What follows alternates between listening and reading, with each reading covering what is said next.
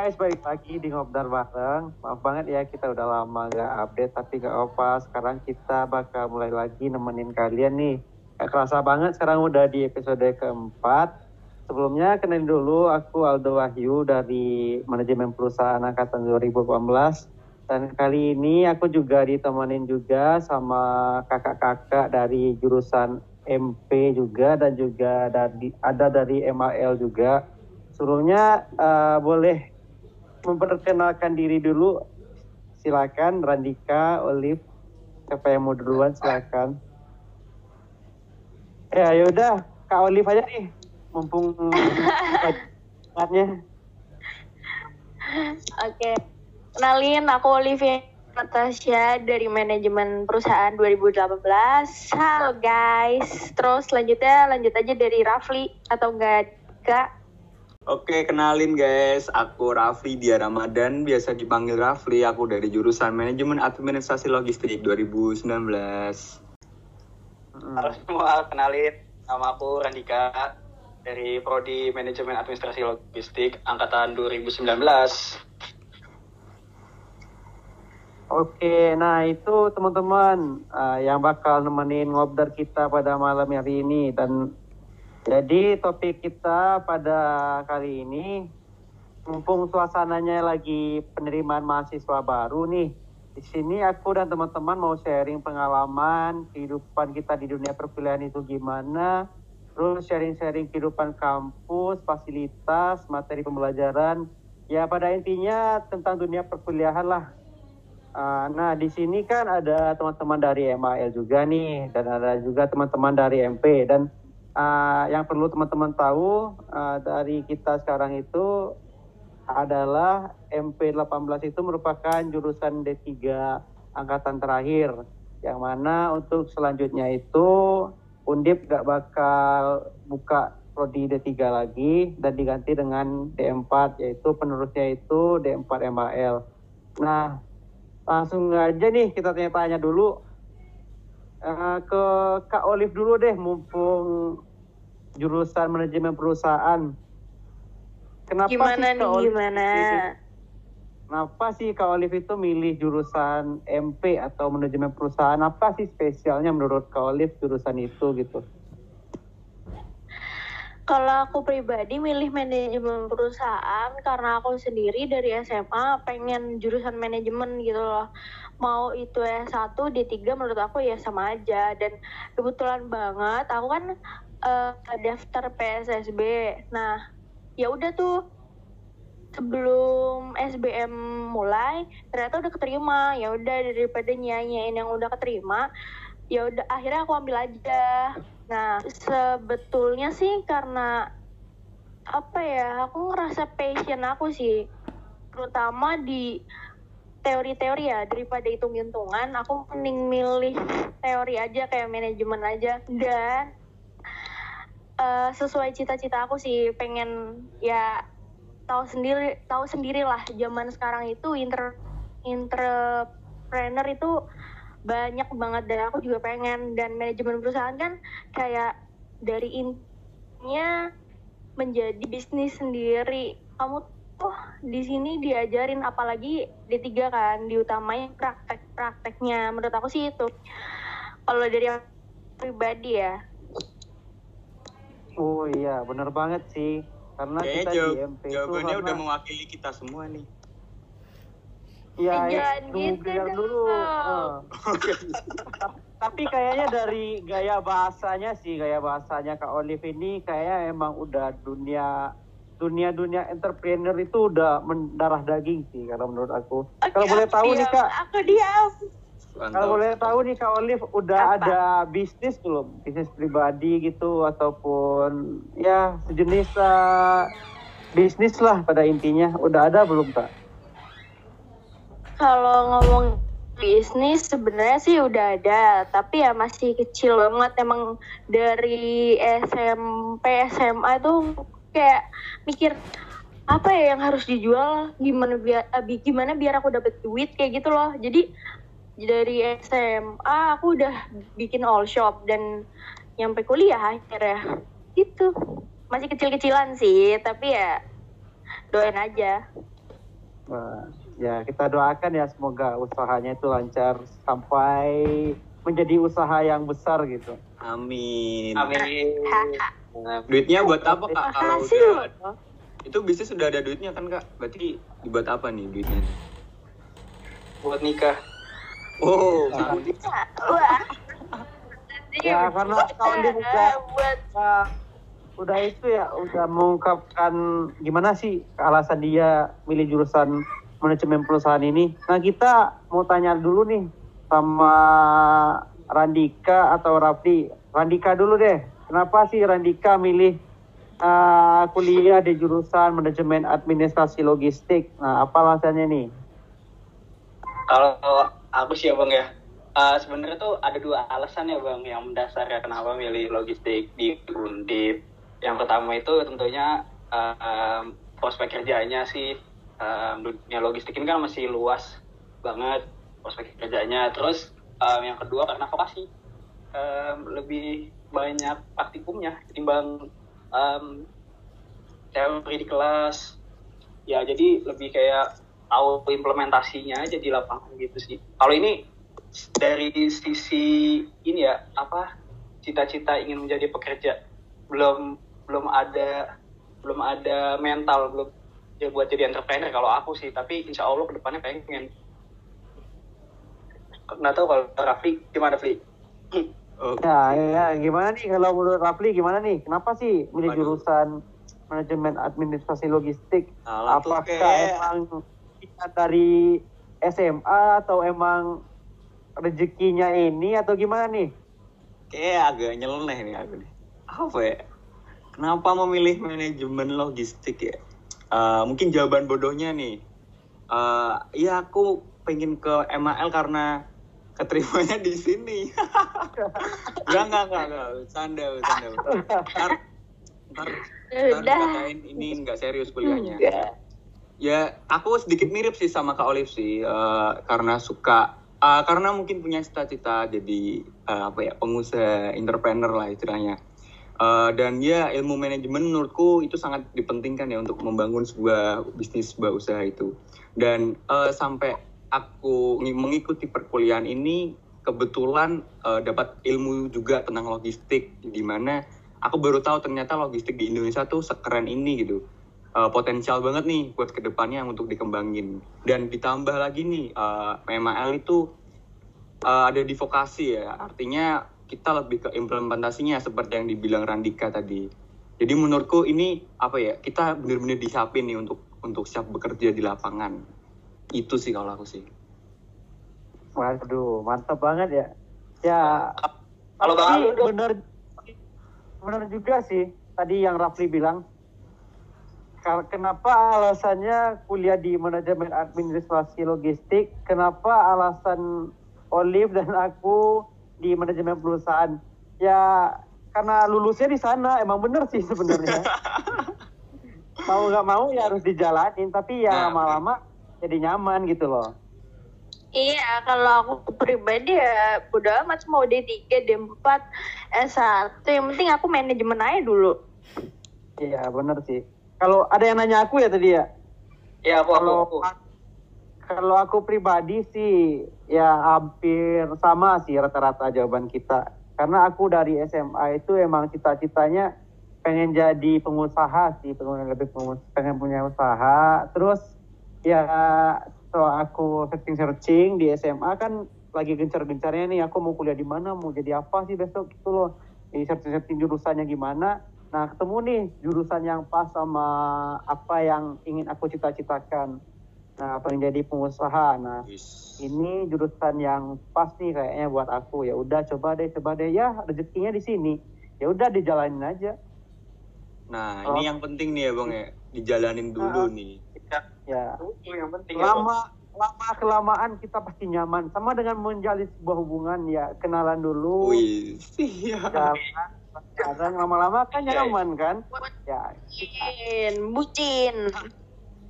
ya banyak sih seperti itulah pertanyaan selanjutnya untuk eh, teman-teman ataupun kakak-kakak dari Kak Olive, Kak Radika ataupun Kak Rafli Uh, aku mau nanya ini, apa aja sih yang dipelajari di jurusan MP, manajemen perusahaan ataupun manajemen administrasi logistik?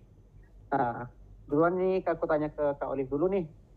Uh, apa sih Kak yang dipelajari di MP itu? Pelajaran-pelajarannya itu membahas tentang apa aja sih? Silakan Kak Olive. Uh, kalau di, di MP sendiri aku nggak terlalu inget ya tapi aku bahas yang aku inget aja. Kalau di semester 1 itu isinya pengantar kayak kamu dapat pengantar akuntansi semester 2 ada pengantar perpajakan ada pengantar manajemen pokoknya ya dasar-dasarnya dulu lah di manajemen kalian gimana. Terus di semester selanjutnya itu ada kayak praktikum ada di semester 4 itu isinya praktikum semua. Paling nggak semua sih tapi kayak isinya kayak di lebih diisi kamu praktikum. Dan juga di MP itu semester 4 juga ada matkul bahasa Mandarin. Dan menurut aku bahasa itu berguna banget sih. Maksudnya kalian udah punya dasarnya kalian kalau mau ngelanjutin itu ada catatannya ada ilmunya. Menurut aku berguna banget. Terus juga yang aku nih ya semester 5 ada manajemen apa proses dan proyek, ada etika bisnis juga, ada apa lagi ya? Apa ya, Dok? Ketahuan banget. Oh, asuransi. Ilmu si bisnis tuh. Iya, itu yang paling bener-bener itu menguras seminggu sih. Ya nggak seminggu ah. juga, tapi maksudnya benar-benar berpikir kamu punya perusahaan dari awal segala macam harus gimana punya divisi keuangan, divisi produksi, divisi keuangan itu harus dari nol sampai jadi benar-benar mempelajari manajemen gitu. Kalau dari MP ya sesuai sama uh, tujuan dari vokasi itu sebenarnya sih ya Kak Olivia. Karena dari vokasi sendiri itu kan lebih menekankan pada kepraktiknya seperti apa di lapangan, sesuai dengan ya, ya 40 60 lah. 40 teori dan 60 praktikumnya. Ya pada intinya uh, setelah teman-teman mempelajari teori pada semester awal kayak pengantar-pengantar yang disebutkan oleh Kak Olive tadi, nanti pada semester-semester tua kayak semester uh, 4, 5, 6 teman-teman bakal langsung mempraktikkan apa teori-teori tadi dengan menggunakan alat ataupun uh, komputer segala macamnya pada intinya asik sih. Intinya asik deh belajar uh, di manajemen perusahaan. Kita terasa jadi bos di perusahaan sendiri. Gimana mikir uh-huh. perusahaan kita bangkrutnya gimana mau maju gimana kita harus berpikir hmm. untuk lang uh, jangka panjang gitu. Itu sih. Eh, pada intinya asik deh intinya. Terus belajar jadi HRD juga kok kayak manajemen sumber daya manusia gitu-gitu. Nah benar banget ya pada intinya teman-teman bakal mengenali lebih dalam deh dunia bisnis itu seperti apa. Nah lanjut nih ke Kak Randika ataupun Kak Rafli, gimana sih apa aja sih yang dipelajari di jurusan MAL itu? Mungkin Kak Rafli dulu ya, Kak Rafli. Ya boleh Kak Rafli. Aduh ini saya sebenarnya tidak orang yang ambis banget ya Tapi ya, mungkin setidaknya masuk lah. ya setidaknya masuk. Uh, apa ya masalah akademik ya. Sebenarnya sama sih kalau matkul tentang matkul matkul di mal tuh mirip-mirip awal-awalnya yang ada pengantar pengantar ekonomi, pengantar manajemen administrasi logistik, akuntansi juga tadi sama kayak yang diomongin Kak Olive sih. Kurang lebih semester 1 semester 2 tuh masih matkul-matkul pengantar. Uh, berhubung ini aku masih semester 3 mungkin ya yang aku tahu aja ya mungkin ya di semester 3 mungkin kita lebih apa ya lebih ke pendalaman ya mungkin lebih ke kayak ada nih matkul kayak perencanaan sumber daya perusahaan atau rantai pasok logistik komunikasi bis komunikasi, bisnis dan manajemen persediaan. Jadi itu sih intinya di awal-awal kuliah kita masih di pengantar-pengantar materi-materi pengantar iya dan yang kita sampai semester 3 ini mungkin kita udah mulai ke pendalaman gitu. Hmm. Seru kok dan mungkin prakteknya kita praktek semester berapa ya Dik ya mungkin? Semester 5 mungkin udah ada praktek ya. ya. 5 semester ya semester 5 ya, semester 5. sesuai dengan namanya sih kayak logistik itu pasti uh, ada pendalaman khusus juga sih pada nantinya kan. Iya. Nanti atau- ah. Jadi mungkin mirip-mirip sama ke manajemen perusahaan, cuma fokusnya diganti nih. Kita lebih ke logistik mungkin. Seperti itu sih. Iya, benar banget. Terus dari Coba Karandika tanya sendiri Di- gimana nih, Kak? Dika nih yang expert nih, expert di dunia perkuliahan. Gimana nih Karandika? Oh, eh, sebenarnya aku juga kan sama nih kayak Rafli kan baru semester 3 dan emang sebenarnya kalau dibilang ada praktikum juga ada praktikum sih semester 2 kemarin tuh kita tuh ada aplikasi komputer bisnis itu sebenarnya harusnya praktikum. Cuma karena online ya jadi praktikumnya online.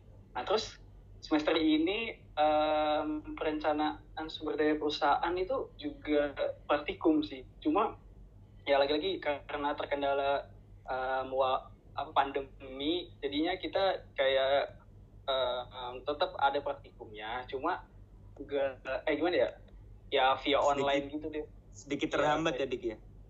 kita hambat sih soalnya ya gitu kayak Benar-benar. gara ada pandemi ini. Terus kalau buat em, di semester semester selanjutnya aku sempat dapat ini sih share em, rancangan pembelajaran di semester semester yang akan da- datang gitu dari dari em, dosenku. Itu juga ini kok di semester semester selanjutnya juga kita tetap ada kayak kewirausahaan. Bener yang kayak eh, dikatain ke Olive kalau misalnya ya kita tuh gak harus nyari pekerjaan gitu kita ha- harus bisa buat lapangan kerja da- dan dosen sudah memfasilitasi itu nanti di semester yang akan datang bakalan ada mata kuliah kewirausahaan dan mungkin uh, spesifikasinya buat kewirausahaan di bidang logistik. Nah, terus juga kita tuh um, ada mata kuliah uh, kepabeanan dan cukai itu buat kayak ekspor impor itu penting banget sih buat di dunia logistik. Nah, terus kita juga ada mata kuliah uh, manajemen risiko, terus juga kita ada praktikum salesmanship, terus ada uh, penganggaran juga, tapi penganggarannya logistik, terus ada pengawasan produk, ada pengadaan, manajemen pengadaan kayak procurement itu kan penting banget buat salah satu aspek kelogistikan gitu. Terus juga ada logistik kelautan itu ya pokoknya jurusan-jurusan yang berbau-bau logistik gitu deh. Pokoknya ya seru banget, seru seru parah sih. Apalagi kalau misalnya udah Waduh, kayak seru parah. tujuan vokasi kan buat kayak siap kerja nih pasti uh, lebih banyak praktikumnya ke lapangan jadi kita bakal kayak dapet experience yang lebih gitu Waduh. seru dah Ada nih kak dikasih gambaran juga nih kak eh, ke adik-adiknya kalau jurusan manajemen administrasi logistik ini hanya ada beberapa saja di Oh iya, Indonesia iya. ya, karena juga merupakan jurusan khusus juga kan karena tidak semua universitas memiliki jurusan ini. Nah, beruntung beruntung banget nih teman-teman yang bisa kuliah di jurusan ini.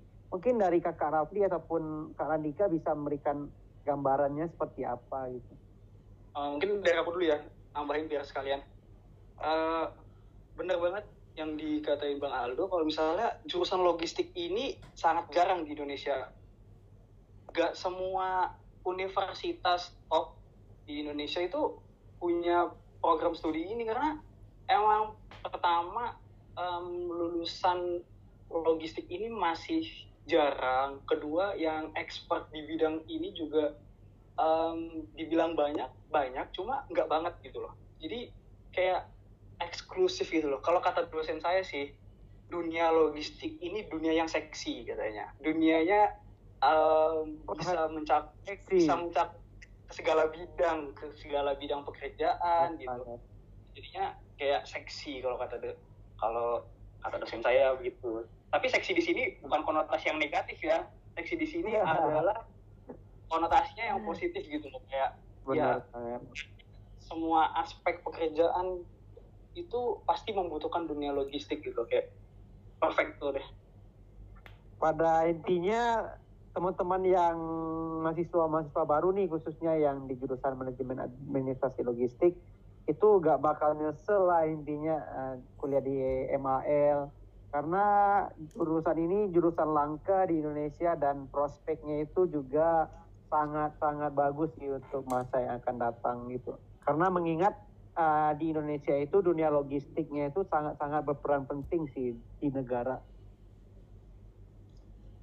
Ya mungkin dari Kak Rafli ada tambahan lagi nih mengenai jurusan MAL. mungkin garis besarnya udah dibilang sama Randika ya intinya kuliah logistik logistik itu seru kok karena logistik sekali lagi ya logistik itu sangat penting gitu di belahan dunia mana pun kalau nggak ada logistik pasti bakal lumpuh suatu negara itu jadi intinya ini prospek yang sangat bagus loh menurut ke depannya bakal keren nih logistik jadi kalian nggak bakal nyesel kuliah di logistik itu aja sih Oke, kita lanjut lagi nih buat pertanyaan selanjutnya. Nah, di MP sendiri itu gimana sih dosen-dosennya itu? Apakah dosennya itu enak, nyenengin, atau ada dosen killer juga? Atau gimana? Aku tanya Olive dulu deh. Gimana nih Olive pendapatnya buat Kak Olive? Jangan aku dulu dong yang baru ngerasain aja itu siapa? Dika Oh, sama Rafli. Kita lempar dulu. Gimana sih menurut uh, Rafli? Bahaya. Bahaya Kak. nih ngomongin dosen. oh iya nih ngomongin dosen nih Namanya deh tuh kenapa? logistik itu gimana sih sistem pem- pembelajarannya? Termasuk dosennya juga? Ada yang killer juga atau ada yang nyenengin juga atau gimana? Coba minta penjelasannya dikit dong. Siapa dulu nih? Dika Kamu Dika ya, ini. Yang anak ambisnya Ya. nih Dika nih. Amin apa? aku telan jawab kalau aku soalnya. Oh ya udah deh, aku dulu deh.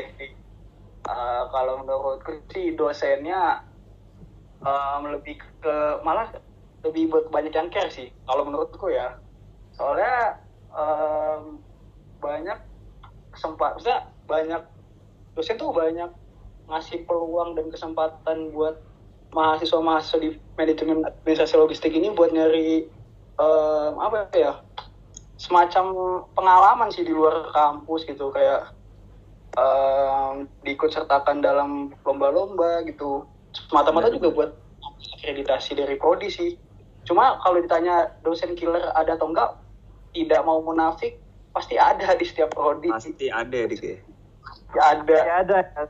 pasti ada itu tidak menutup kemungkinan pasti ada Hmm. nah terus gimana sih Iya sih. cara menanggapinya sebagai mahasiswa meng mengatasi sih mengatasi eh, sikap ataupun perlakuan dosen yang berbeda-beda. Itu gimana sih menurut eh, kalian teman-teman? Ke- em, terserah mau Randika, Olive atau Rafli menjawabnya. Kalau ada Dika Dika deh. Gini sih bang, benar kata bang Aldo sih, kayak dibikin nyaman aja dulu kan. Mau sekiller apa pun dos juga pasti bakalan nyaman gitu loh kalau misal eh kalau misalnya kita punya mindsetnya positif buat nangkep ilmu ya pasti nyaman-nyaman aja sih. Kayak ya udah nikmatin aja lah. Walaupun dia gitu lah benar sih. Oh ya terus eh, lagi zamannya nih kan eh, penerimaan mahasiswa baru. Nah aku mau tanya sih sebenarnya. Kan sebelumnya kita kan menghadapi masa yang namanya itu masa SMA dan kita beralih ke jenjang selanjutnya yaitu mahasiswa. Nah, menurut teman-teman nih, apa sih perbeda perbedaan antara ketika kita menjadi siswa dan perbedaan ketika kita menjadi seorang mahasiswa? wah Ya, ya, Raffi. pertanyaan berat nih Di situ. Ya. Silakan sih. Apli Lagi tanya si Rafli mau jawab. Aku deh, aduh, ini pertanyaannya berat banget nih berawal-awal nih. Apa perbedaan siswa sama mahasiswa ya? Mungkin dari namanya aja tuh udah, ya hampir mirip tapi ada perbedaan. Mahasiswa, mahasiswa sendiri mungkin kalau kita apa ya, kita gambarkan tuh sesuatu yang besar ya. Artinya mahasiswa ini adalah orang yang memiliki jiwa yang besar. Mungkin kalau aku dapat artikan nih, mahasiswa tuh yang dimaksud jiwa besar di sini tuh mungkin termasuk attitude-nya, etikanya, cara berpikirnya, dan cara menyikapi sesuatu hal ya kedewasaannya gitu. eh, ya mungkin sesuai apa ya mungkin ya kalau ditanya perbedaan mungkin udah jelas banget ya mahasiswa di sini mahasiswa mungkin di sini eh, jadi peran penting gitu untuk permasalahan bangsa mungkin jadi eh, ya mungkin mahasiswa ini apa ya dapat menjebatani nih antara untuk untuk mem, apa ya untuk menyelesaikan sebuah permasalahan bangsa gitu jadi ya menurutku sih itu sih perbedaan signifikannya antara mahasiswa dan siswa biasa lebih ke apa ya pola pikir yang lebih dewasa gitu Wah, benar banget nih pendapat dari kakak Raffi. Karena benar sih ketika kita menjadi siswa dan kita menjadi mahasiswa itu sangat sangat beda banget kalau yang aku rasain. Karena waktu SMA kita Apalagi masih punya iya benar banget karena kita jauh dari orang tua sih pertama. nah Terus itu kita juga emang dituntut banget buat jadi seseorang yang mandiri gitu. Apa-apa sendiri, masak sendiri, makan sendiri. Ya karena kita harus mencoba hal-hal yang baru karena kita apalagi seperti mahasiswa perantau kayak aku kan jauh di Padang kan rumah aku. Terus uh, kuliah di Semarang kan lumayan jauh. Nah, kita harus menyesuaikan uh, kebudayaan dulu juga beda. Aku kebudayaan di Minang gimana, kebudayaan di Semarang yang uh, Jawa seperti apa, nah kita harus menyesuaikan. Menurut aku emang kalau dari pandangan aku sendiri, uh, ketika menjadi siswa dan mahasiswa yang paling merasa kerasa di aku ya menjadi sosok yang mandiri sih sebenarnya. Terlepas dari banyak-banyak halnya hal lain yang membedakan antara siswa dan mahasiswa.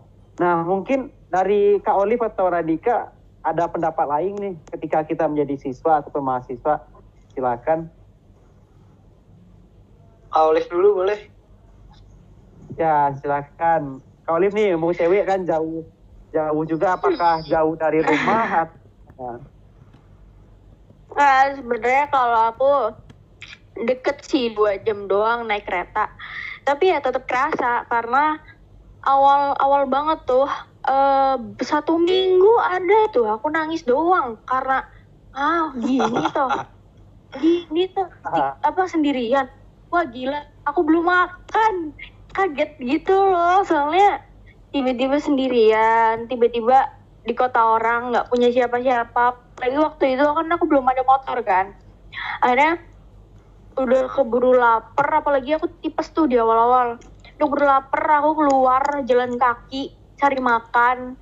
Ya kayak gitu loh sekaget itu. Tapi ya nggak lebay banget sih. Maksudnya pokoknya iya berusaha mau sendiri aja sih. Dan apa ya kayak nyari temen itu penting di sini ya. Walaupun sekedar temen atau temen relasi lah penting banget betul banget nih betul banget. Setuju aku. Relasi nomor satu pokoknya. Ya emang sih karena pas awal-awal kuliah pas kerasanya tuh pas kita lagi sakit emang bener-bener kerasa banget wah aku waktu sakit di rumah ada yang beliin obat lah segala macamnya. Ini apa apa sendiri teman kosan nggak ada yang kenal. Awal-awalnya kan gimana mau minta tolong? Ya dijalani aja lah. Bodo amat lah gitu kan pemikirannya Iya, jadi Nah. mungkin buat nih teman-teman mahasiswa baru nih, jangan malu-malu buat berkenalan sama teman-teman barunya nih.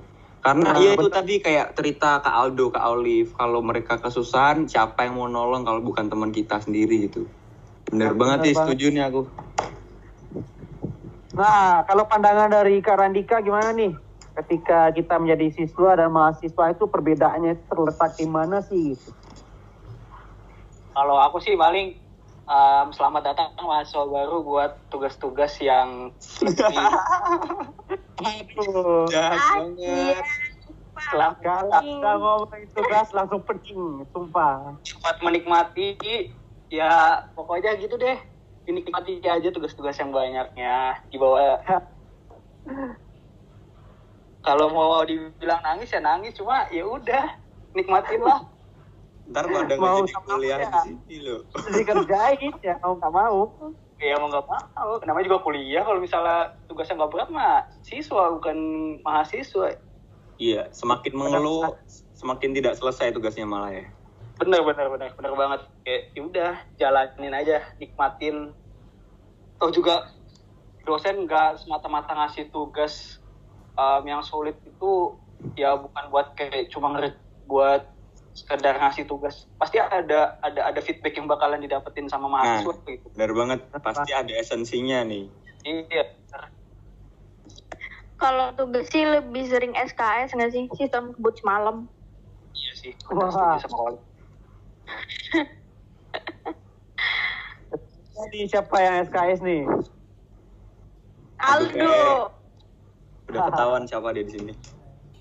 Eh, jadi begitulah ya nasib ketika perubahan dari siswa menjadi mahasiswa. Mungkin masih banyak lagi ya yang masih belum kita gali. Cuman gambaran secara umumnya seperti itu sih. Nah untuk teman-teman mahasiswa baru ya mencobalah menyesuaikan diri gitu. Ketika teman-teman menjadi seorang siswa gimana dan tiba-tiba menjadi seorang mahasiswa yang emang dituntut segala hal sendiri juga harus uh, harus mandiri lah segala macamnya ya. Pada intinya ya mau nggak mau harus gitu gitu loh. Terus uh, aku mau nanya lagi nih perihal mahasiswa baru lagi. Nah kemarin kan lagi viral-viralnya itu PKKMB online karena pandemi COVID-19 Nah kemarin sempat viral juga di Instagram ataupun Twitter segala macamnya yang banyak orang yang berpikiran bahwa ini termasuk ke perpeloncoan.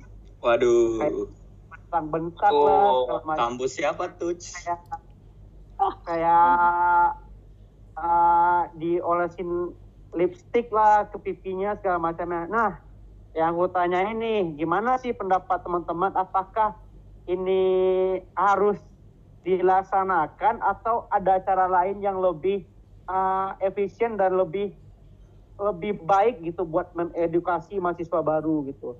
Ya, Oh, monggo nih oke. siapa yang mau mulai berpendapat. Ini kayaknya jawabannya PSDM banget nih bang. Jadi kita tanya ke kadif kita aja. Nih. Tuh, nggak? ya, silakan. Ini PSDM banget nih jawabannya nih. Silakan Kak Olive, Kak Olive. Siap, Pak. iya. Kalau mau ngomong mau ngomongin PKM, PKKM ini ya, menurut aku kalau misal kayak kemarin yang viral kayak dimarahin segala macem, ya kalau di asli biasa aja. Tapi kalau di udah online gitu tersebar luas, pasti orang bilang ngapain sih dimarahin segala macem, bla bla. Dilihat lagi dari eh, apa kegunaannya kayak kayak mereka tuh marahin untuk apa dan tugas-tugasnya tuh gimana kalau emang tadi kayak lipstick segala macam menurut aku nggak nggak guna. Tapi kalau emang untuk atribut atau apa menurut aku fine fine aja. Asal tidak berlebihan ya. Kayak misal yang apa kemarin tanpa Maaf, menyebutkan univ. Maaf, aja nih ya. Menurut aku nggak usah. Kayak cuma eh ditanyain lah baik-baik atau gimana. Tapi sebenarnya ada salahnya ada benarnya. Dan jangan dilihat dari sisi panitianya aja lah dari sisi mbaknya. Dari yang aku lihat yang viral juga banyak loh maba karena ini daring jadi komen-komennya kayak lama banget sih pak. Terus atau ini panitianya ke mana nih? Terusnya gitu-gitulah. Sebenarnya dilihat dari mabanya juga kalau tingkahnya mereka kayak gitu yakin mereka jadi mahasiswa. Jadi jangan cuma mandang dari sebelah pihak ya karena dari sisi panitia gini dari sisi maba kayak gini. Ya pokoknya ada min plusnya lah. Yang penting jangan sampai sebenarnya perpeloncoan nggak tahu batasannya ya. Tapi ya udahlah jangan sampai hal yang buruk ditaruh di situ. Kan ini kan bukan apa pelatihan mental bukan tentang yang kayak disabetin lah di lipstickin segala macem. Tapi kayak ini loh mahasiswa kayak gini gitu tentang ya kayak gini lah tugasnya kayak apa sih? Terus ya gitu gitulah intinya aku takut salah ngomong.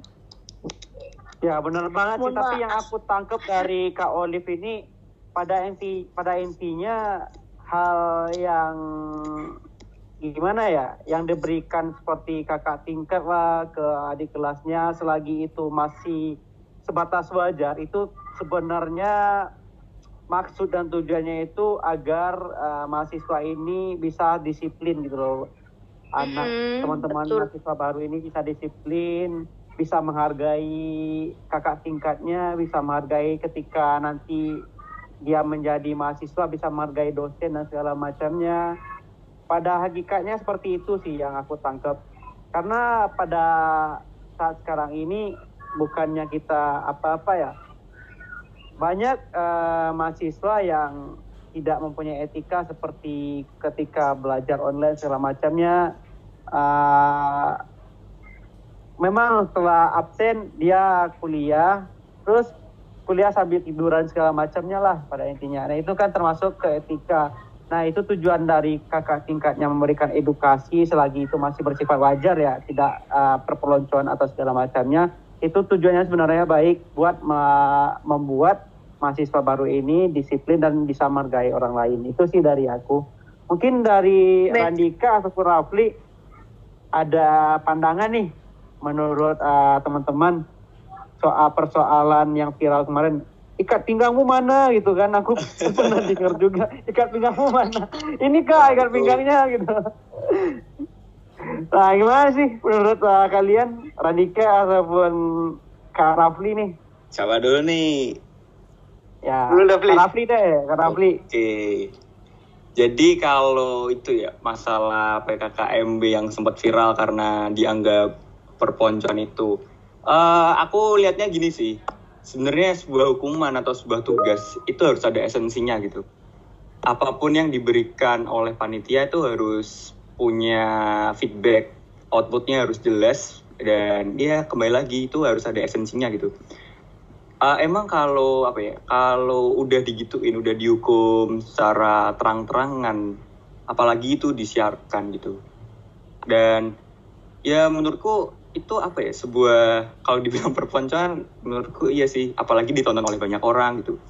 Dan aku juga nggak tahu sebenarnya esensinya dimarah-marahin seperti itu uh, apa Eh, ya aku nanggepinnya kayak gitu sih bang mungkin lebih ke apa ya tugas-tugas yang diberikan tuh harus ada esensinya dan kita kembali lagi sebenarnya esensi utama untuk PKKMB kan pengenalan kampus dan juga melatih apa ya eh, melatih kedisiplinan ya melatih eh Rasa memperkenalkan. Iya, menghargai, memperkenalkan gimana sih mahasiswa. Bener banget tadi dikatain Kak Olive kalau eh, gimana kalian mau jadi mahasiswa kalau kalian aja mas eh, katakanlah ospek online masih eh, attitude attitude-nya kayak gitu. Mungkin ya kita harus lihat dari dua sudut pandang sih kalau ini sih kalau menurutku. Cuman kalau ngasih hukuman seker, se ya, sekeras itu menurutku itu kayak nggak ada esensinya sih. Masih ada cara-cara keren kok untuk memperkenalkan kampus. Masih ada cara-cara elegan yang lain untuk melatih mental maba. eh, masih ada cara-cara keren lain untuk melatih keakraban gitu. Mungkin itu sih lebih ke esensi aja sih. Esensi dari hukuman tuh apa? Harus Ya. apa ya? Harus eh, intinya harus positif lah untuk mabanya Oh, gitu. benar banget. Mm. Ya, pada intinya selagi positif apa pun yang dikatakan oleh kakak tingkat, dosen yang memberikan materi pada saat PKKMB itu sebenarnya tujuan dan maksudnya itu baik sebenarnya. Buat uh, pengenalan, pengedukasian kepada teman-teman mahasiswa baru. Ini loh uh, kampus, dunia kampus ya sebenarnya yang sebelumnya teman-teman di SMA begini-begini tuh nanti jangan sampai kaget ketika udah kuliah gitu. Makanya teman-teman dilatih untuk uh, menghargai, untuk melatih untuk uh, mena- menanamkan rasa kedisiplinan, rasa saling menghargai, toleransi dan segala macamnya. Ya mungkin itu sih. Eh, dari Kak Radika gimana nih tanggapannya Mana- melihat kemarin-kemarin yang viral tentang PKKMB online? Mungkin Kalau bisa menurut- kalau menurutku sih gimana ya sebenarnya emang benar dari em, kata Kak Olive, Kak Rafli dan Bang Aldo kalau kayaknya emang harus dilihat dari em, dua sudut pandang sih dari panitia dan dan dari mahasiswa barunya toh juga semata-mata em, panitia tuh melaksanakan PKKMB itu pasti ada maksud dan tujuannya. Cuma emang salah banget caranya gitu loh, kayak sampai mempermalukan di halayak umum. Dan emang tujuan PKKMB juga kan buat mengenalkan kampus sih. Jadi kayak harusnya lebih apa ya? Lebih membuat maba itu kayak punya rasa teredukasi lah gitu ya teredukasi gitu kayak oke Hmm. um, saya kuliah di sini saya bangga kuliah di sini oh kampus saya kayak gini-gini gitu kayak ya harusnya kayak gitu sih kalau menurutku Iya benar. Iya bener sih. Pokoknya kalau aku nih ya intinya tuh eh, hukuman atau tugas tuh harus relevan, harus pokoknya harus harus etis lah. Ada ibaratnya. esensi Harus- lah pada intinya. Nah iya harus, harus relevan dengan situasi sekarang. Mungkin zaman dulu nih eh, ospek kita kenal dengan kekerasan gitu. Nah kita bisa kemas Hmm. lagi dengan lebih hal-hal yang keren dan menarik gitu. Lebih ke relevan dengan situasi sekarang sih harusnya sih. Karena udah Bener berubah banget. zamannya. Mm. Ya benar banget. Setuju sih sepakat sama teman-teman apa yang de- di pendapat teman-teman Kak Oli, Kak Radika, dan Rafli. Masih banyak cara-cara yang lebih keren buat memperkenalkan kampus dan untuk teman-teman mahasiswa baru eh, walaupun sekarang PKKMB-nya online saya harap dan teman-teman harap dan pasti semua dosen dan tenaga pendidik terutama Kemendikbud pasti berharap esensi dari PKKMB ini jangan sampai hilang gitu. Jadi teman-teman mahasiswa baru tahun 2020 jangan sampai berkecil hati, tetap semangat. Bener nih. Benar banget. Terus eh, Ya. lanjut nih untuk pertanyaan selanjutnya. Eh, Aduh. ya, gimana Kak Olive? Jangan lupa ada jejak digital. Iya, benar banget. Bener banget nih. Setuju, setuju. Nah, Lanjut. lanjut nih. Lanjut nih kita ke topik selanjutnya. Nah, selama menjadi mahasiswa baru, pasti teman-teman ada nih tipikal-tipikal orang ataupun mahasiswa. Setiap mahasiswa itu pasti beda-beda pola pikirnya. Ada mahasiswa yang kupu-kupu, kuliah pulang, kuliah pulang. Mahasiswa yang kura-kura, kuliah rajin, kuliah rajin. Ada juga mahasiswa yang kutu buku. Ada juga mahasiswa yang pura-pura, pura-pura ada dua arti ya, pura-pura kuliah rapat, kuliah rapat. Nah, aku sedikit memperkenalkan sih kepada mahasiswa baru bahwasanya di SMA mungkin teman-teman menge- mengenal adanya organisasi seperti OSIS, MPK, UKS dan segala macamnya. Dunia perkuliahan itu tidak kalah menariknya gitu, masih banyak eh, wadah-wadah yang bakal menampung prestasi-prestasi dari teman-teman di masa SMA. Nah, itu tergantung dari teman-temannya sendiri nih mau melanjutkannya atau tidak. Nah, aku di sini mau bertanya sih ke Kak Rafli, Kak Olive ataupun Kak Randika. Bagaimana sih menurut eh, kakak-kakak tentang eh, eh, gimana ya?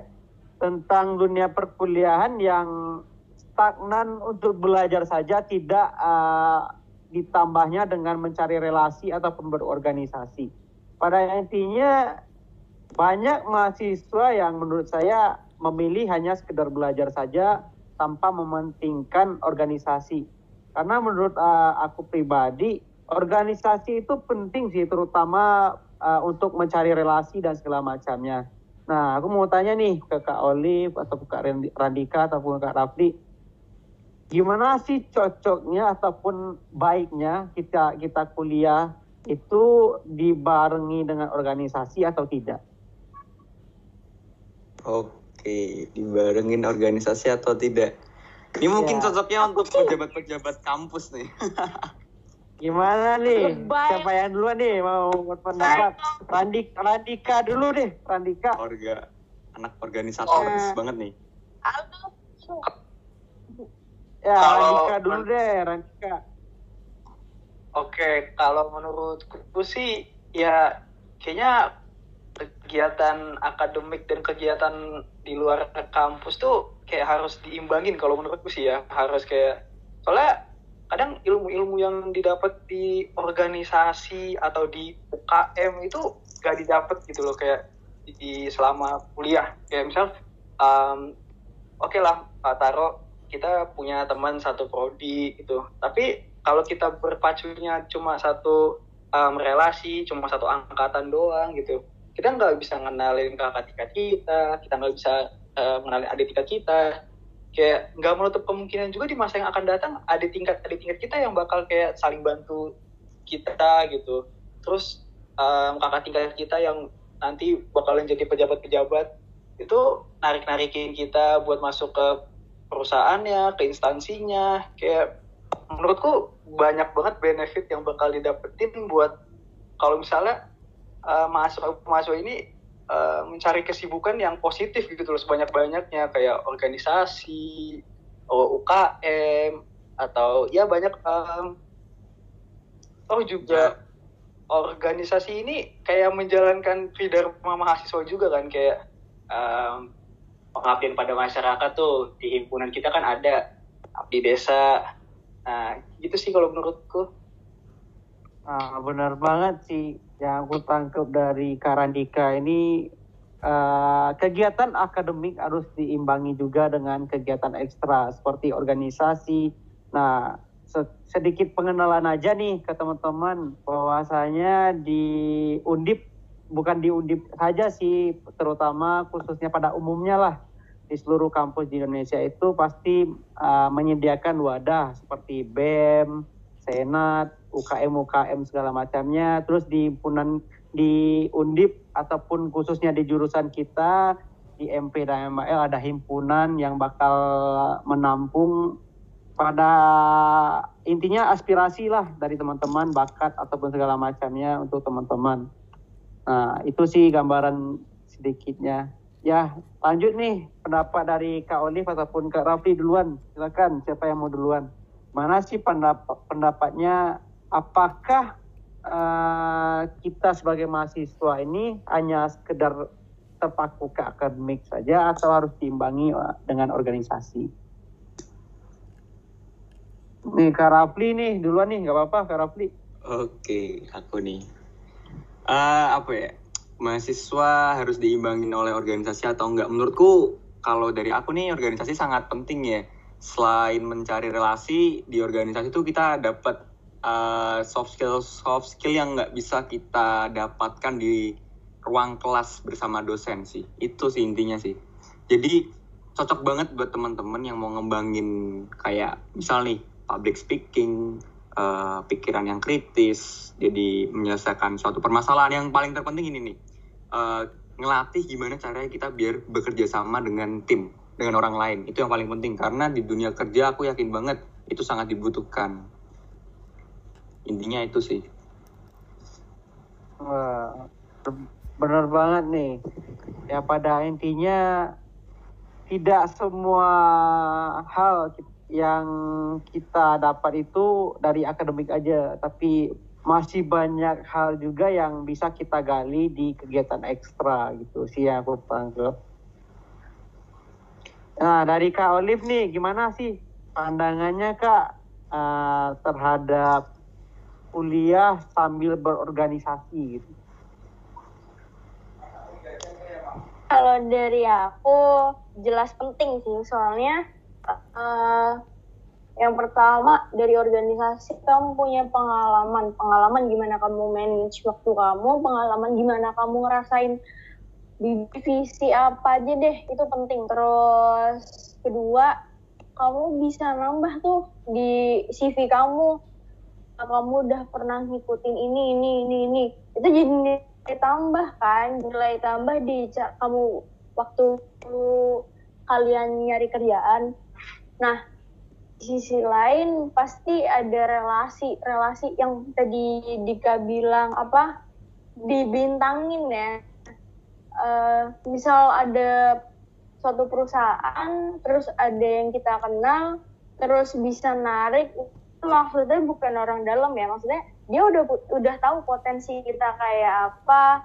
Kalau misalkan di organisasi itu kita baik, pinter ngomong, terus pokoknya plus plus lah intinya. Itu bisa jadi poin plus banget relasi ya itu nomor satu. Terus di perkuliahan misal ya kalian nggak ada organisasi apa pun lah saya mau kuliah pulang jalan-jalan kuliah pulang jalan-jalan gitu doang?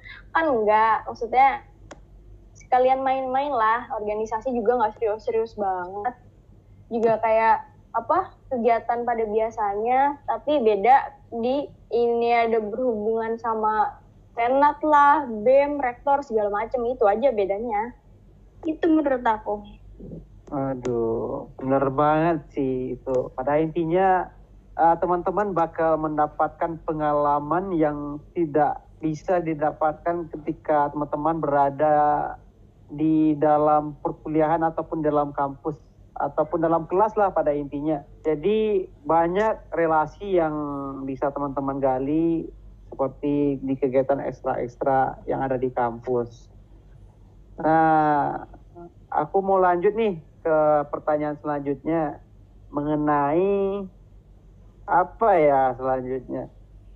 Ya tentang fasilitas kampusnya gimana nih teman-teman? Teman-teman, aku pasti aku sebelumnya aku mau cerita dulu deh. Aduh. Sebelum aku aduh, mau aduh. nanya nih, mau nanya, mau nanya ke teman-teman. Ini sebenarnya aku kan sebelumnya daftar di Undip eh, manajemen perusahaan ini kan aku sama kayak Olive PSSB juga. Aku searching nih, searching nih Undip nih kayak gimana sih universitasnya, kampusnya di mana? Dan aku lihat di Google itu, itu kampusnya itu di Tembalang, Tembalang.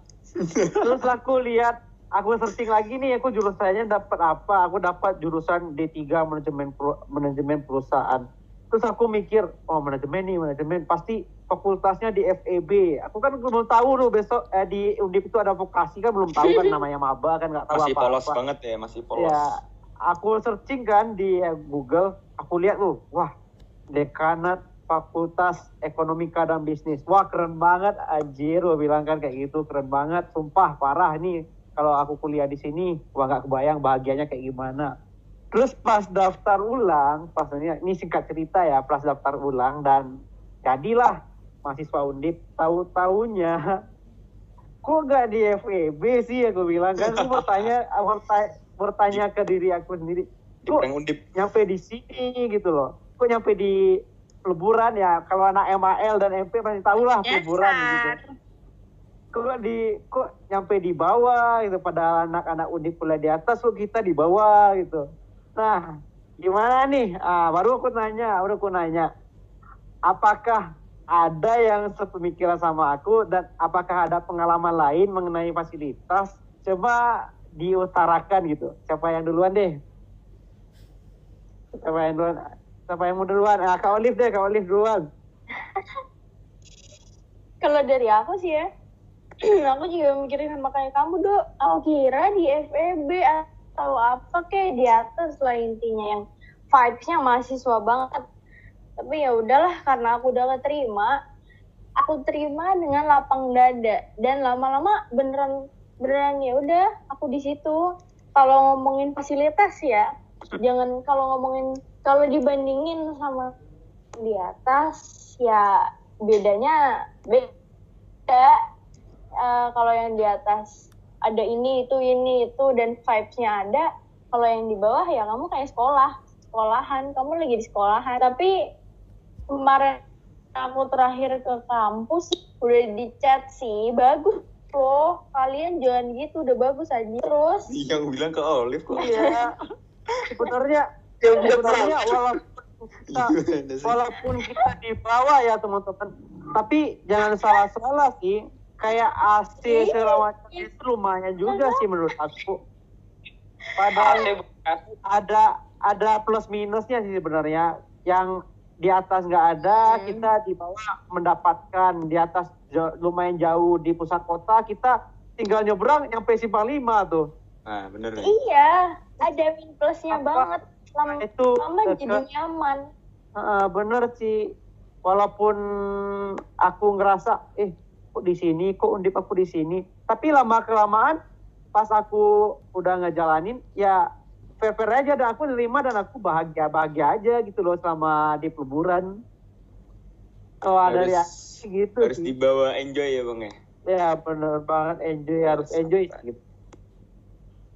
Ya pada hakikatnya tidak melupakan visi dan misi kita buat kuliah itu apa ya fasilitas itu hanya pendukung yang paling intinya niat kita untuk mau berubah ataupun mau belajar atau enggak sih itu dari aku sih Wah, Benar. keren, keren, keren, keren.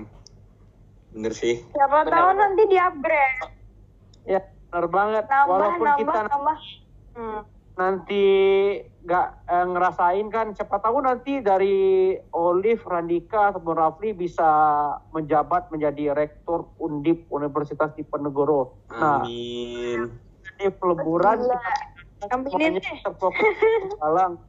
Ya itu kan bisa-bisa aja kita doakan saja nantinya gitu. Tapi ya pada intinya ada plus minusnya lah. Nggak semua yang di bawah itu jelek dan nggak semua yang di Tembalang itu bahagia-bahagia juga. Mereka yang di Tembalang itu nggak ngerasain dunia di bawah itu gimana gitu loh. Dunia di bawah. bawah kita ke atas ya bisa-bisa aja kan.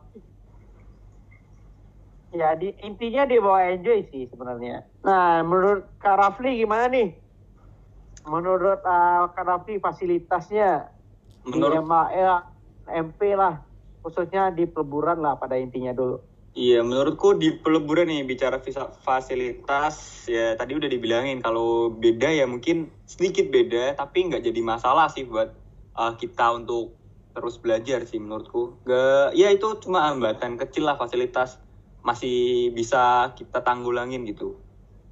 Dan apa ya kalau dibilang vibes-nya kurang justru malah itulah vibes-nya yang ingin kita bangun gitu uh, vibes tentang organisatorisnya, teman-teman organisator yang ingin kita bangun. Makanya uh, ikutlah sebuah organisasi untuk mengembangkan organisasi di khususnya di peleburan gitu. Kita bisa kok teman-teman peleburan ini sama-sama untuk mengembangkan sebuah sebuah apa ya, sebuah komunitas, sebuah organisasi yang nantinya kita sama-sama bangun untuk biar ya biar seru aja di bawah gitu, biar ada keasikan intinya itu sih eh, fasilitas nggak jadi peng- faktor utama untuk menghambat kita belajar Nah bener banget nih. Ya pada intinya harus memiliki niat dan tekad yang kuat kalau kita harus mau berubah dan mau berbenah gitu sih dari aku. Ya, makasih banget nih pendapatnya dari Kak Rafli nih. Lanjut eh, pendapat dari Kak Radika gimana nih tentang fasilitas yang udah didapatkan selama menjadi mahasiswa di Undip khususnya di MAL gitu. Eh, kalau dari aku sendiri sih mungkin kayak kurang lebih sama sih kayak Olive dan em, Rafli. Buat fasilitas di peleburan emang gimana ya dibilang sebenarnya cukup cukup aja sih. Soalnya em, balik lagi ke tujuan utama buat kuliah itu kan bukan buat menikmati fasilitas lah. Maksudnya nikmati fasilitas oke cuma kayak faktor kesekian gitu loh. Kayak kita tuh kalau kalau aku pribadi sih ya fokus utamanya ya sama buat nyari ilmu itu sih. Kayak eh, oke faktor eh, fasilitas itu jadi faktor kesekian. Em, fasilitasnya eh, bagus ya alhamdulillah. Kalau fasilitasnya ya mungkin dirasa masih sedikit beda daripada kampus kampus kampus Tembalang juga ya nggak apa-apa juga sih kayak soalnya tujuan kalau aku ya tujuan utamanya tetap kuliah gitu loh kayak buat nyari ilmu gitu. kalau fasilitas tuh kayak kesekian gitu.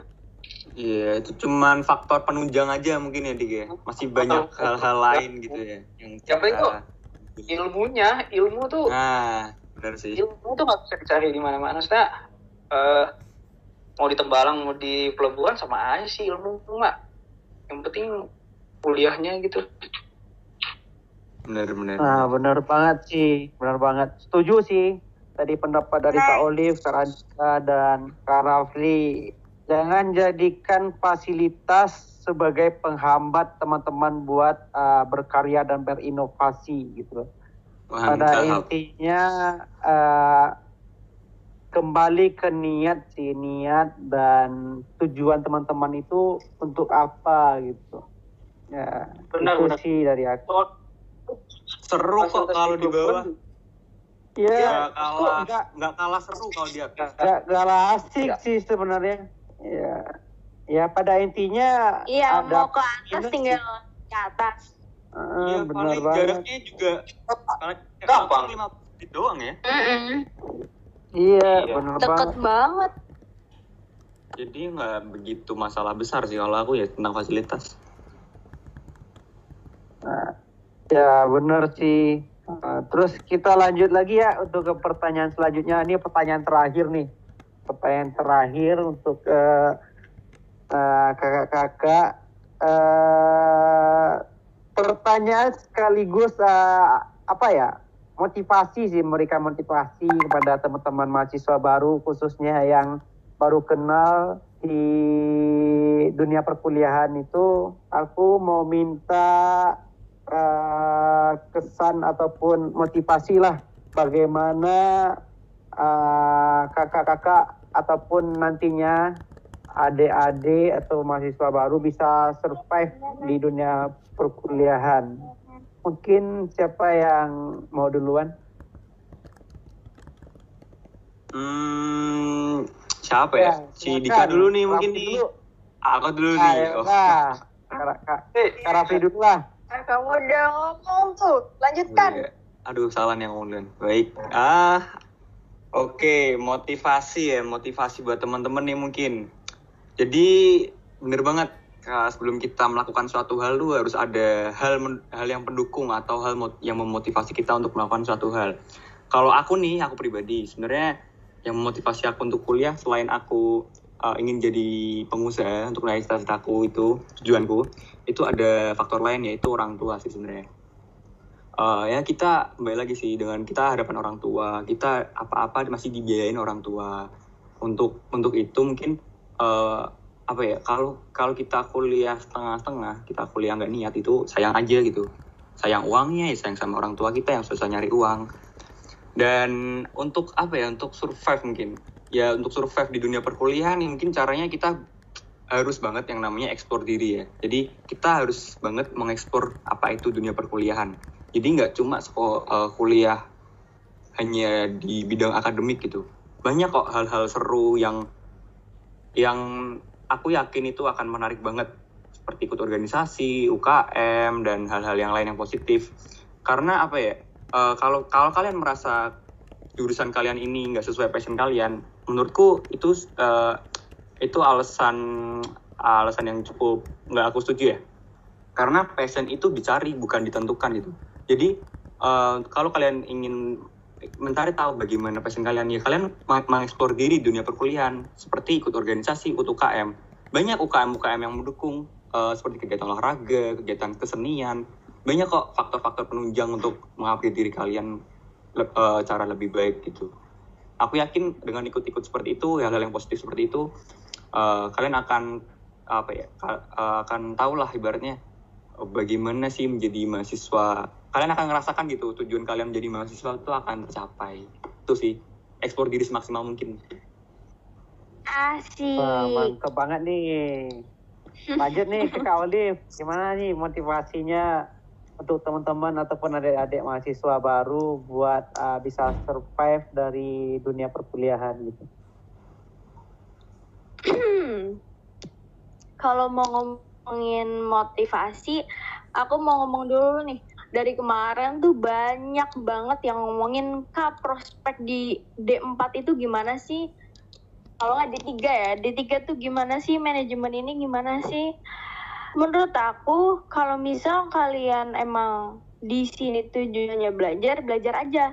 Kalau di dunia kerja itu terbalik lagi ke kaliannya lagi. Buat apa ada HRD yang wawancarain kalian kalau kalian cuma lihat dari satu faktor aja? Aku cuma aku lulus di ini nih gelar ini. Itu nggak ada gunanya. Maksudnya ada tapi itu cuma sekelibat doang. Selanjutnya dari diri kalian sendiri kalian tuh di sini gimana? Kalian udah belajar apa? Kalian udah punya pengalaman apa? Kak tahu kayak gitu kalau kalian emang bertanya tentang prospek dunia kerja. Terus juga kalau emang kalian ngeraguin diri kalian dan kalian gak ada usaha ya hasilnya nol. Jangan cuma ngeraguin wah di sini D, D4 gelarnya ini jadi jelek dong. Terus juga jangan minder ya. Jangan minder. Jangan gengsi. Itu tuh apa racun banget buat diri sendiri. Jangan jangan jadi apa ya. Pokoknya self love aja lah. Kalian tuh bisa. Kalian tuh di sini tujuannya belajar cari pengalaman. Kalau emang mau kerja ya buktiin ini loh kamu ini loh kamu punya potensi. Terus juga kalau emang kalian nggak memilih organisasi untuk kegiatan kalian. Kalian bisa bisa sambil kerja kok. Di sebelum semester sebelumnya aku juga sambil kerja sambil organisasi. Yang penting bisa manage waktu kalian. Bisa eh ngimbangin waktu kalian dengan perkuliahan. Menurut aku itu oke-oke aja. Kalau emang kalian mau sambil kerja ya itu nggak apa-apa. Jangan malu sama teman-teman kalian yang emang udah tanda petik ada ya. Maksudnya kalian mau kerja dengan cari pengalaman ya oke kalian nggak bakal diejek karena ya berarti itu menunjukkan kalian udah apa ada keinginan untuk menjadi lebih dewasa menjadi lebih mencukupi diri sendiri tanpa ber- bergantung sama orang tua. Terus pokoknya eh, jangan mandang sebelah mata suatu tindakan atau yang udah kalian capai karena itu pasti udah ada tujuannya. Itu udah ada itu udah takdir kalian dan itu bermanfaat banget buat kalian gitu. Menurut aku. Hehe. Semangat. Waduh, bener banget sih. Ini banyak juga sih yang bertanya-tanya. Dan banyak juga yang minder, aku kuliahnya di D3, D4, teman-teman aku S1 semua gitu.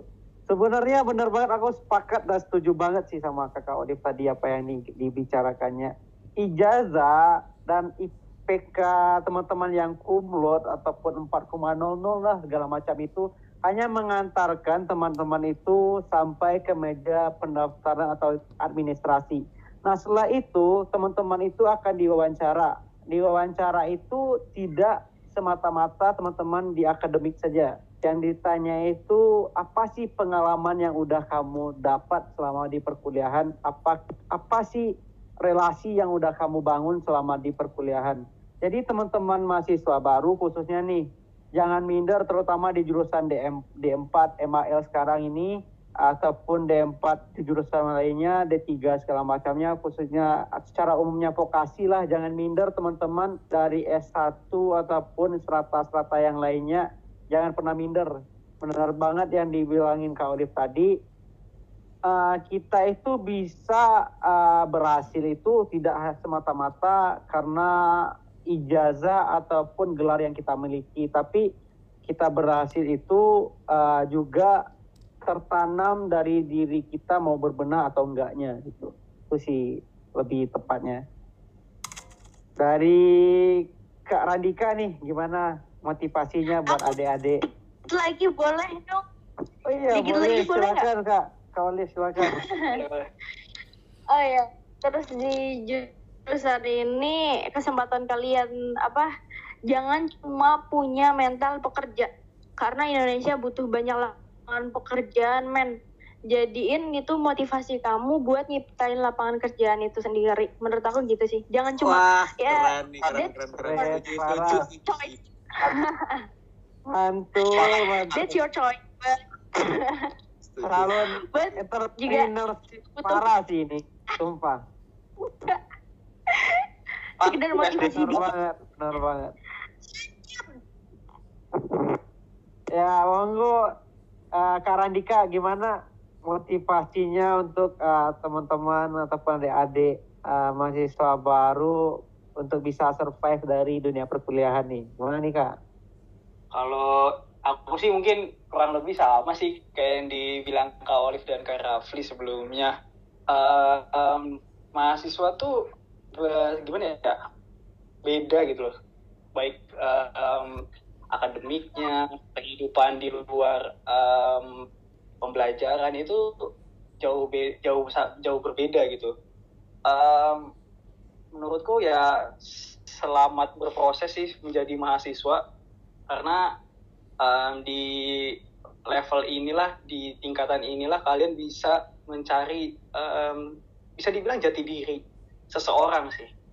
Um, kalian mencari ilmu yang sebanyak-banyaknya di perkuliahan kalian banyak um, kenal orang-orang yang punya um, latar belakang yang berbeda-beda kalian mencari relasi untuk bisa um, bisa kalian apa ya dijadikan motivasi sih kalau menurutku relasi itu bisa dijadikan motivasi buat um, ke depannya mungkin bisa sama-sama berkolaborasi gitu buat menjadi um, seseorang yang lebih baik lagi ke depannya. Terus um, kalau menurutku juga di selama perkuliahan itu ya kalian eksplor diri lah karena kadang ilmu yang kita dapetin itu nggak selalu semata-mata di perkuliahan kadang juga kita dapetin di luar perkuliahan. Dan ilmu-ilmu yang di luar perkuliahan juga kadang-kadang ya itu sangat berguna gitu loh buat dampak dari kalian sendiri buat dampak orang-orang di sekitar kalian. So ya menurutku semangat dan selamat berproses menjadi pribadi yang lebih dewasa pribadi yang um, punya jati diri untuk ke depannya membangun um, untuk membangun apa ya mungkin kalau bisa dibilang kehidupan buat ke depannya gitu loh. Kalian hidup kalian mau dibawa ke mana? Hidup kalian mau uh, dibawa ke arah kayak gimana? Ya mungkin bisa kalian explore di masa-masa perkuliahan ini sih kalau dari aku gitu. Oke. Terima kasih banget nih motivasi dari kakak-kakak. Kalau dari aku sih buat uh, teman-teman terutama mahasiswa baru Uh, selamat datang, selamat datang di dunia perkuliahan, selamat menjadi mahasiswa. Saran dari aku, jangan terlalu dipikirkan semuanya, tapi kerjakan saja dulu. Terus jalani aja dulu, bawa enjoy aja.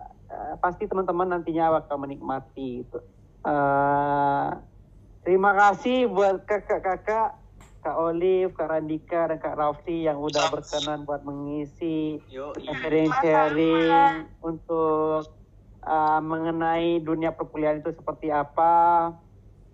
Uh, semoga apa yang diberikan ini bermanfaat bagi orang banyak.